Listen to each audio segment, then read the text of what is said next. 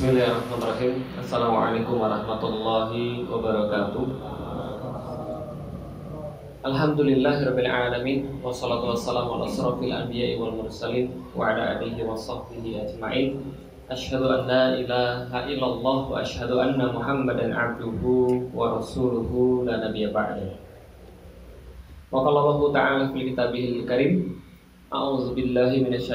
Rajim. Bismillahirrahmanirrahim. Kuntum khairu ummatin ukhrijat lin-nas ta'muruna bil ma'ruf wa tanhauna 'anil munkar wa tu'minuna billah.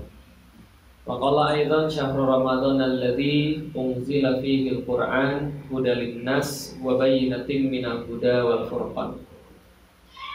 Alhamdulillah puji dan syukur senantiasa kita panjatkan kepada Allah Subhanahu wa taala dengan puji-pujian yang sungguh-sungguh datang daripada hati kita kita memuji kepada Allah Alhamdulillah kita telah disampaikan pada bulan Ramadan Allah sampaikan pada kita satu tamu agung yang insya Allah dengan kedatangan Ramadan ini terbuka kesempatan bagi kita untuk menambah amalan-amalan pahala kita dan yang paling penting untuk menghapuskan seluruh kesalahan-kesalahan seluruh dosa-dosa, seluruh aib-aib kita dan kita memohon kepada Allah. Mudah-mudahan Allah terima daripada kita bulan Ramadan ini. Dan Allah hapuskan Allah keluarkan kita daripada bulan Ramadan kelak sebagaimana ibu kita mengeluarkan kita daripada rahimnya.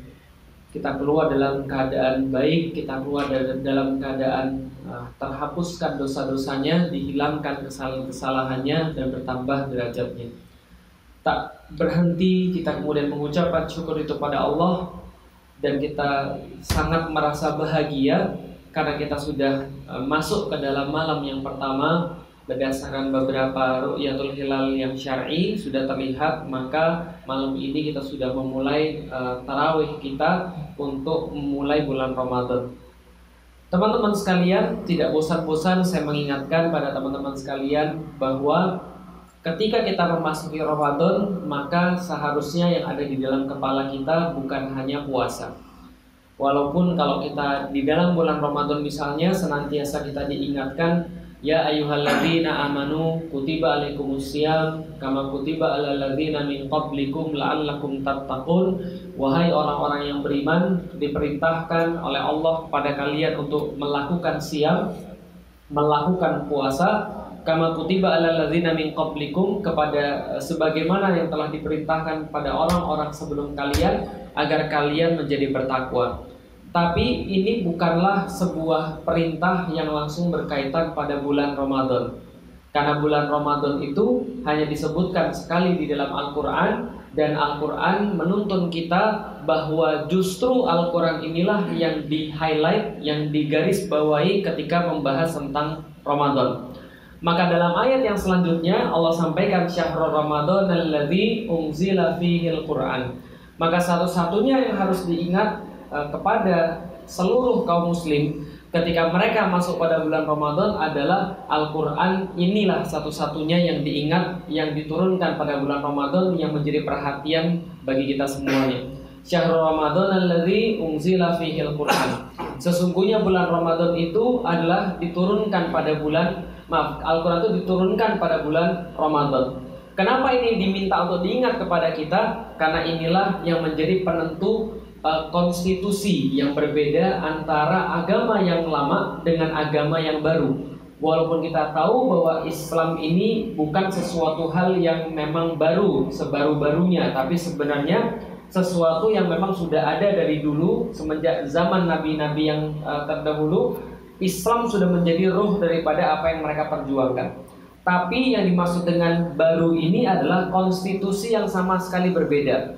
Maka ketika Al-Quran itu turun, kita sedikit mengulangi bahwa inilah yang disebut dengan terkabulnya doa Nabi Ibrahim ketika Nabi Ibrahim berdoa di hadapan uh, Ka'bah uh, kepada Allah Subhanahu wa taala Rabbana wab'ats fihim rasulam minhum yatlu alaihim ayatika wa yu'allimuhumul kitaba wal hikmah wa yuzakkihim maka jawaban daripada doa Nabi Ibrahim adalah ketika diturunkannya Al-Qur'an. Jadi gini, kalau kita lihat perjalanan Nabi Ibrahim ini adalah perjalanan tauhid. ketika Nabi Ibrahim diminta oleh Allah untuk menjadi nabi, maka dia memiliki keutamaan lebih daripada nabi-nabi yang lain. Apa keutamaan Nabi Ibrahim? Nabi Ibrahim memiliki keutamaan bahwa beliau adalah satu-satunya nabi sebelum Nabi Muhammad yang yang diutus untuk seluruh manusia. Jadi Nabi Ibrahim sudah mengatakan dari awal bahwa ketika dia membangun Ka'bah atau meninggikan Ka'bah itu, maka kemudian dia mengatakan ya Allah, kami minta agar Ka'bah ini menjadi mata batal linnas, menjadi sebuah tempat berkumpul buat seluruh manusia, buat anas seluruh manusia. Bukan hanya berkumpul buat keturunanku saja kata Ibrahim, tapi berkumpul buat seluruh manusia. Andai kan kalau kita boleh untuk untuk berpikir sebagaimana yang Nabi Ibrahim pikirkan, maka mungkin kita mikir gini, ini ada tugas yang sangat besar yang Allah bebankan pada diri saya. Kalau misalnya kita berpikir dengan cara Nabi Ibrahim, apa kemudian tugas Allah yang sangat besar ini? Tugas Allah adalah mengislamkan seluruh penduduk bumi yaitu adalah membuat seluruh penduduk bumi ini bertakwa kepada Allah, mengenal Allah Subhanahu wa taala. Mungkin kalau kita berada dalam posisinya Nabi Ibrahim, Sementara Ka'bah itu yang menjadi pusat visi daripada seluruh manusia baru saja ditinggikan setelah dikubur uh, semenjak zaman banjirnya Nabi Nuh ditinggikan sementara seluruh manusia harus nyembah Allah dan menjadikan Ka'bah itu sebagai pusat. Islam sebagai satu-satunya agama. Mungkin dia mikir begini. Saya itu kan manusia biasa. Sepanjang-panjang umur saya itu nggak akan bisa sampai untuk bisa mengislamkan seluruh manusia. Maka karena itulah Ibrahim berdoa kepada Allah, Rabbana wab'ats fihim. Ya Allah, saya tahu saya tidak akan bisa untuk merealisasikan apa yang diminta pada saya, maka utuslah ya Allah, Rabbana wab'ats fihim. Ya Allah, utus kepada mereka semuanya, yaitu manusia yang dibebankan kepada saya itu rasulam minhum, yaitu adalah rasul yang meneruskan kerja saya. Rasul yang meneruskan visi dan misi saya yatlu alaihim ayatih ah, maaf ayatik yang kemudian tugasnya ada empat misinya membacakan ayat-ayatmu kepada mereka. Wa yu'allimuhumul kitab mengajarkan pada mereka perkara yang halal dan yang haram wal hikmah dan perkara hikmah wa yuzakkihim. Dan juga mensucikan mereka semuanya. Karena aku tidak akan mampu untuk melakukan ini sementara aku masih manusia. Nah, kapan kemudian doanya Nabi Ibrahim itu dijawab oleh Allah? Doanya Nabi Ibrahim itu dijawab oleh Allah ketika turunnya Al-Qur'an. Maka dikatakan syahrul Ramadan alladzi unzila fihi Al-Qur'an yaitu adalah syahrul Ramadan adalah waktu diturunkannya Al-Qur'an di mana doa Nabi Ibrahim yang sangat bersejarah itu dikabulkan pada malam Lailatul Qadar. Ketika Nabi Ibrahim berdoa pada Allah, "Ya Allah, turunkan kepada manusia yang menjadi tugasku ini karena aku tidak akan bisa menyelesaikan semuanya." Rasul di antara kalangan manusia itu sendiri keturunanku sekitar Ka'bah yang kelak akan melanjutkan visi dan misiku. Itulah kemudian Allah turunkan ketika bulan Ramadan ketika Lailatul Qadar diturunkan Al-Qur'an menjadi konstitusi yang baru kepada nabi yang kemudian melanjutkan visi dan misinya Nabi Ibrahim untuk mengislamkan seluruh manusia. Itu pentingnya bulan Ramadan. Kenapa itu kemudian saya sampaikan? Kalau kita ingat Ramadan adalah puasa, maka kemungkinan besar kita pasti terbebani kemungkinan besar kita akan merasa ya Ramadan lagi. Kayaknya kemarin baru Ramadan, gitu kan ya. Ramadan tiba, tiba-tiba Ramadan, kan itu kan ya. Kita merasa ini ada beban. Kenapa kita merasa harus mengurangi makan, kita harus mengurangi istirahat, kita harus kemudian mengurangi kenikmatan-kenikmatan yang bisa kita dapat di bulan Ramadan. Kalau kita pikirannya Ramadan bulan puasa. Tapi kalau seandainya kita pikir bahwa Ramadan bulan Quran ini beda ceritanya, sama kayak anak-anak. Anak-anak itu kalau disuruh main itu nggak akan ingat makan. Anak-anak itu kalau disuruh main nggak akan ingat yang lain. Kenapa? Karena dia melakukan sesuatu yang dia sukai. Maka seolah-olah kalau ada orang yang kemudian tahu tentang hebatnya bulan Ramadan, di mana doa Nabi Ibrahim itu diijabah oleh Allah diturunkannya Al-Quran, dia sibuk dengan Al-Quran sampai-sampai dia lupa makan. Harusnya mentalnya seperti itu. Jadi kita sibuk dengan Al-Quran sampai-sampai kita lupa makan. Kita sibuk dengan Al-Quran sampai-sampai kita lupa bahwa kita tuh lagi taraweh. Kenapa? Menyimak bacaan Al-Quran. Menikmati bacaan Al-Quran. Menikmati subuhan daripada Allah Subhanahu wa Ta'ala berupa diturunkannya Al-Quran. Kenapa Al-Quran kemudian sangat istimewa diturunkan pada bulan Ramadan? Allah jelaskan kemudian dalam ayat yang selanjutnya.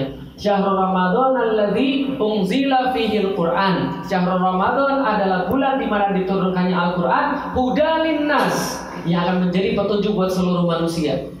Yang tadinya tidak tidak mampu semuanya diemban oleh Nabi Ibrahim yang menjadi nabi buat seluruh manusia. Seterusnya Allah mengutus keturunan Ibrahim bukan untuk seluruh manusia, hanya untuk Bani Israel. Maka kemudian Allah turunkan Nabi Muhammad membawa Al-Quran huda.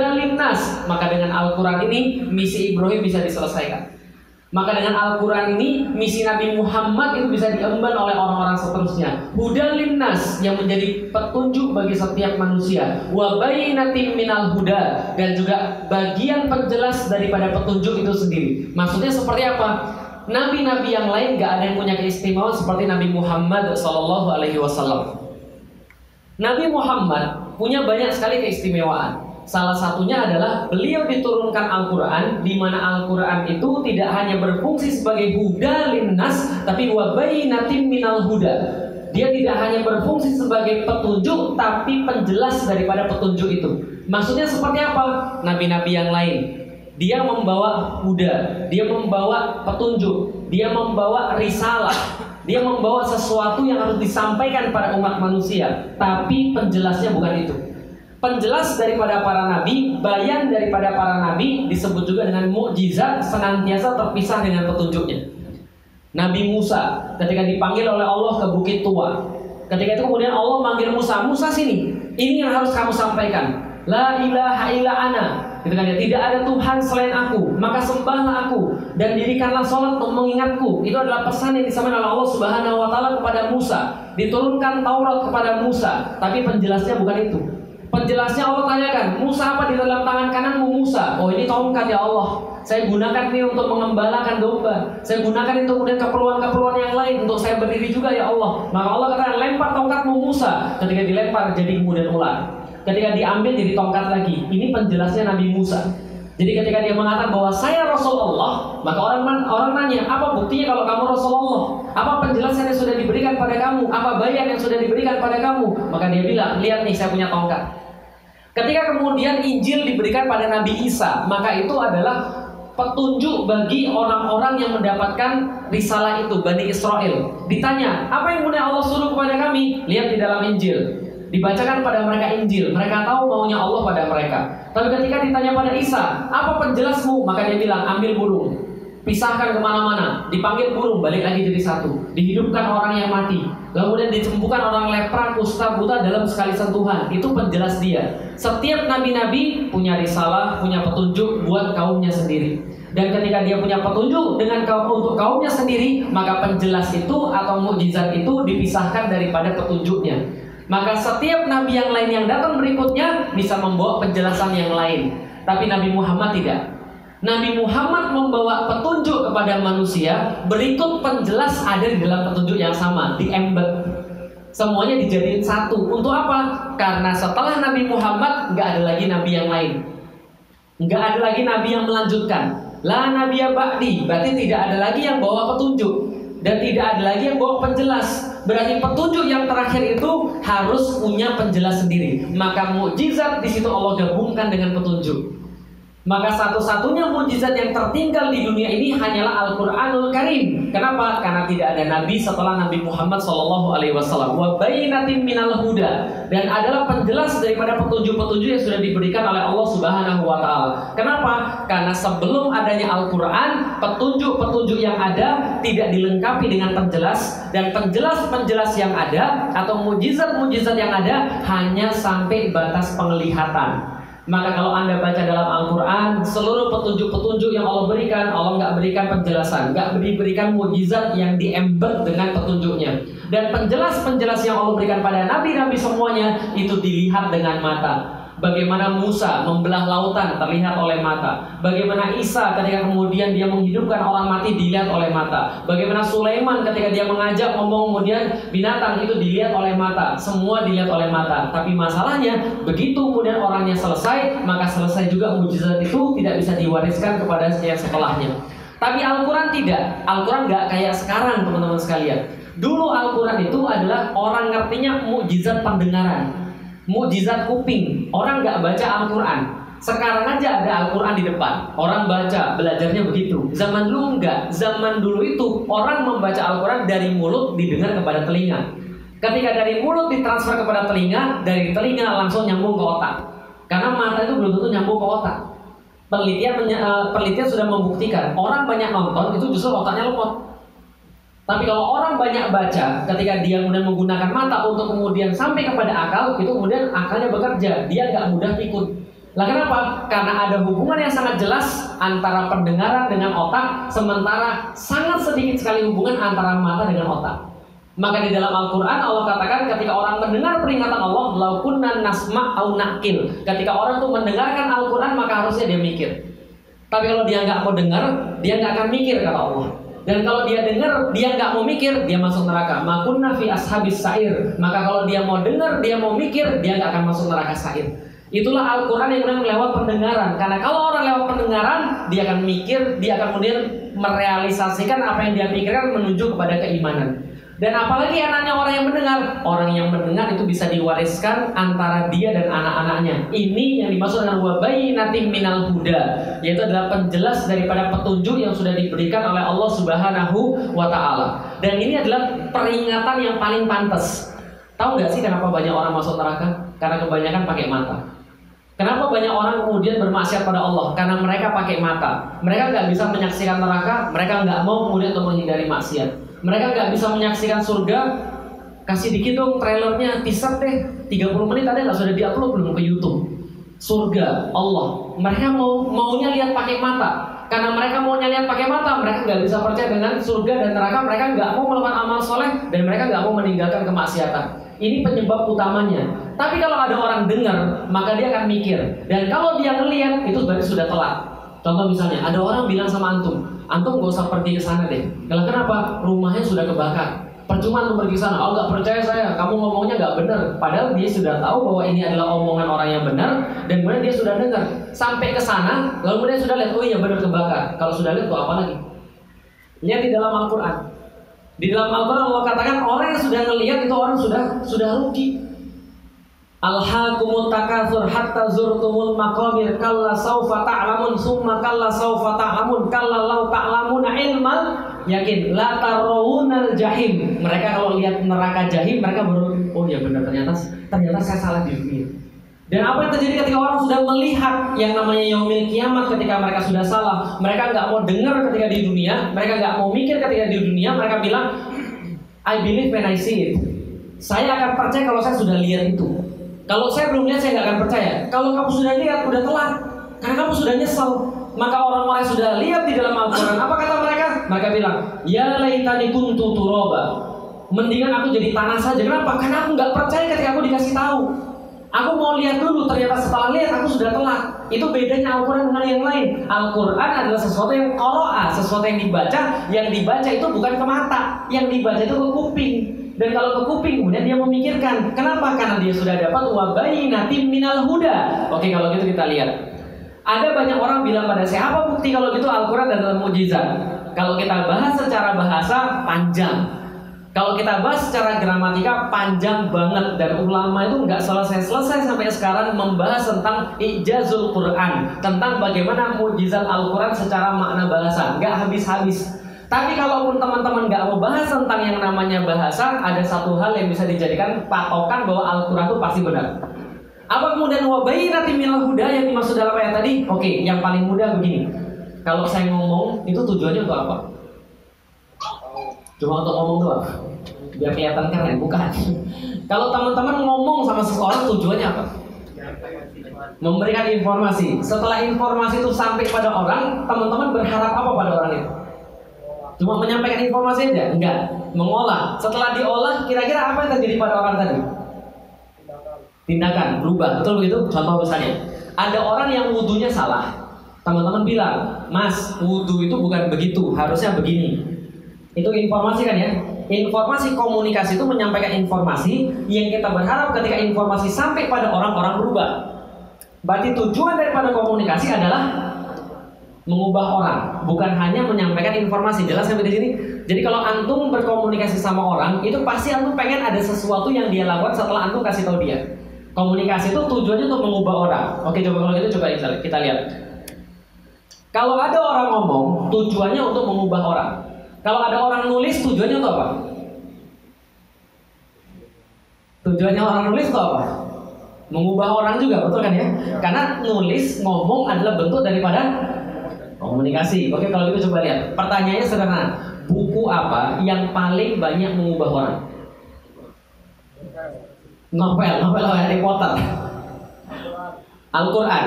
Ada ada penelitian di dunia mengatakan begini. Buku yang paling banyak mengubah orang adalah bukunya Homer, judulnya Iliad, yang berisi tentang bagaimana dewa-dewi Yunani. Tapi sebenarnya itu bukan mengubah orang, itu menginformasikan pada orang sehingga orang bikin kemudian dewa-dewa yang sekarang sudah ditinggalkan dan gak diingat. Tapi sejarah membuktikan teman-teman sekalian, Anda boleh berdebat apa pun, tapi Anda nggak akan bisa debat satu fakta ini. Apa fakta yang nggak bisa didebat? Peradaban yang paling cepat berubah ya peradaban yang paling cepat berubah di dunia ini dan gak ada yang pernah nyanyiin adalah peradabannya orang Arab ketika dapat Islam. Itu sudah fakta yang nggak mungkin bisa didebat. Bayangkan, sekarang Al-Quran sudah turun berapa lama berarti? Sekarang 14 eh, sekarang 14 40 berarti Al-Quran turun 12 tahun sebelum itu berarti sekitar 1452 tahun yang lalu kira-kira begitulah. Nah, empat uh, turun lagi nih. Ketika Al-Quran turun tak berapa lama yang diperlukan oleh orang Arab ketika mendapatkan Al-Quran untuk mengubah dunia? Gak sampai 30 tahun berubah itu seluruh kemudian dunia sama orang-orang muslim nggak sampai 30 tahun. Sebutkan pada saya peradaban apa yang 30 tahun dari nol sampai kemudian jadi pemimpin dunia. Nggak ada sama sekali. Dengan kata lain perubahan paling radikal perubahan paling ekstrim perubahan paling esensial perubahan paling holistik apa pun lah antum mau kasih namanya itu adalah perubahan yang dilakukan oleh umat muslim Pertanyaannya bukan apa yang berubah pada orang muslim setelah turun Al-Quran Tapi pertanyaannya adalah apa yang tidak berubah pada orang-orang Arab muslim ketika sudah turun Al-Quran Semuanya berubah Cara dagang berubah? Berubah Cara berpakaian berubah? Cara beristri berubah? Nah makanya istri empat itu sudah bagus karena harus lihat dulu dulunya, dulunya 40-an lebih terus dikurangi jadi 4 paham sekalian. Jadi pandangannya begitu. Allah Akbar. Allah Akbar, Masya Allah. Nah, itu Pak uh, perlu dijelaskan sama yang atas itu Pak Budi ya. Nah ini ini adalah kemudian perubahan yang terjadi, gitu kan ya. Pernikahan berubah, lalu kemudian bagaimana interaksi dalam pernikahan berubah atau tidak? Berubah. Beragama berubah atau tidak? Berubah. Berkeluarga berubah atau tidak? Perang bahkan berubah. Karena kenapa? Sudah turun Islam. Artinya kalau saya tanya, komunikasi mana yang paling efektif? Al-Quran. Paham gak itu saya? Jadi nggak ada satupun guru, nggak ada satupun penulis yang bisa mengubah satu kemudian peradaban sebagaimana Al-Quran mengubah manusia. Nah, itulah yang menjadi kemudian kenapa Allah kata syahrul Ramadan alladzi unzila fihil Quran. Huda linnas wa bainatin minal huda yang terakhir wal furqan. Kalau Anda sudah benar-benar menjadikan Al-Quran sebagai petunjuk, Allah sudah kemudian ridho sama Anda ketika Anda menjadikan Al-Quran sebagai petunjuk, Anda sadar betul bahwa ini adalah sesuatu yang bukan hanya benar, tapi keren, dahsyat karena dia punya petunjuk dan penjelas di tempat yang sama, maka Al-Quran akan menjadikan furqan bagi Anda. Mudah bagi Anda untuk membedakan yang mana yang benar dan yang mana yang salah. Bagaimana untuk mengambil jalan yang ini atau yang ini, yang ini yang itu. Kenapa? Al-Quran sudah berfungsi sebagai furqan bagi Anda. Ini yang dimaksud dengan kenapa orang-orang di bulan Ramadan seharusnya bersibuk dengan Al-Quran bukan yang lain. Karena gini, kalau Al-Quran sudah mengubah seluruh manusia, banyak manusia 30 tahun nyelesain permasalahan orang-orang Arab jadi kemudian paling tinggi di dunia, pertanyaannya, yang kita mikir saat ini adalah kira-kira apa yang Al-Quran bakal ubah pada diri kita pada bulan Ramadan ini. Masa batu banget kita nggak bisa diubah oleh Al-Quran? Al-Quran tuh ubah orang-orang Arab loh. Dan ketika Allah kemudian menurunkan Al-Quran, Allah katakan, Huwaladzi ba'atha fil ummiyina rasulam minhum yatlu alaihim ayatihi wa yuzakkihim wa yu'allimuhumul kitaba wal hikmah wa in kanu min qablu lafi dhalalim mubin. Maka Allah katakan, kami nurunin Al-Quran pada Muhammad menjawab doanya Nabi Ibrahim untuk empat hal yang Nabi Ibrahim doakan, yaitu membacakan ayat-ayat Allah pada manusia, lalu menjelaskan yang mana halal dan yang haram, memberikan pada kepada mereka kemudian penyucian diri dan hikmah yang diberikan pada mereka. Wa inkanu min qablu lafi dolalim mubin. Padahal mereka itu dulu sesat-sesatnya makhluk. Paham maksudnya? Jadi kalau sesat-sesatnya makhluk aja bisa diubah oleh Al-Quran. Pertanyaan sebatu apa Anda nggak bisa diubah dengan Al-Quran? Kalau benar-benar Anda sadari bahwa Al-Quran adalah diturunkan pada bulan Ramadan dan bulan Ramadan punya khasiat semacam itu. Bisa mengubah manusia, bisa mengubah hidup manusia. Antum merasa lebih sesat daripada Umar bin Khattab? Atau lebih sesat daripada Abu Sufyan? atau merasa lebih sesat daripada kemudian orang-orang Arab Quraisy yang kemudian yang waktu itu mereka benar-benar batu banget. Kalau antum merasa lebih sesat, mungkin antum nggak ngefek pada bulan ini. Tapi kalau antum merasa kayaknya saya nggak sesat itu deh. Nah, insya Allah bulan Al-Quran, bulan Ramadan ini punya sesuatu buat anda. Yang terakhir mau saya kasih tahu, anda sudah diundang masuk pada bulan Ramadan. Kita semua sudah diundang oleh Allah masuk pada bulan Ramadan. Dan saya mau kasih tahu manusia saja. Kalau mengundang anda ke rumahnya, mesti ada sesuatu yang disediakan di rumahnya. Mas datang ke rumah saya ya besok jam berapa Ustaz? Uh, Mbak Isya boleh. Anda datang ke rumah saya. Setelah Anda datang kepada rumah saya, apa saya anggurin gitu? Terus ketika Anda sudah masuk, terus saya bilang, tuh ngapain di sini? Kan Ustaz yang undang. Ya memang saya undang, tapi Anda mau ngomong apa? Loh, Ustaz yang nanya saya. Gitu kan ya. Terus saya nggak ngasih antum apa pun, nggak mungkin. Kalau saya sudah undang antum, pasti ada sesuatu suguhan yang sudah saya siapkan di rumah saya. Pasti, pasti ada sesuatu di rumah saya sudah saya sediakan buat antum. Antum sekarang sudah diundang oleh Allah Subhanahu wa taala pada bulan Ramadan. Yang kita belum tahu apa yang Allah bakal kasih kepada kita apa yang sudah Allah siapkan untuk bulan Ramadan ini untuk diberikan semuanya pada kita. Itu semuanya insya Allah tergantung kita sendiri bagaimana kita menyikapi undangan Allah Subhanahu wa taala. Marhaban ya Ramadan, marhab, marhaban ya Syahrul Karim, marhaban ya Syahrul Quran. Selamat datang ya Ramadan, selamat datang Syahrul Quran, selamat datang Syahrul yang mulia, bulan yang mulia. Kita memohon pada Allah mudah-mudahan ibadah-ibadah kita ditingkatkan oleh Allah, hati kita disabarkan oleh Allah untuk menjalani bulan-bulan ini sampai ke titik yang akhirnya Allah berikan kepada kita juga sebuah kenikmatan dalam menjalani ibadah-ibadah dalam melantunkan lisanan-lisanan Al-Quran dan mudah-mudahan Allah dekatkan kita pada Al-Quran hingga Al-Quran bisa mengubah diri kita untuk menjadi lebih baik daripada hari ini. Allah Assalamualaikum warahmatullahi wabarakatuh.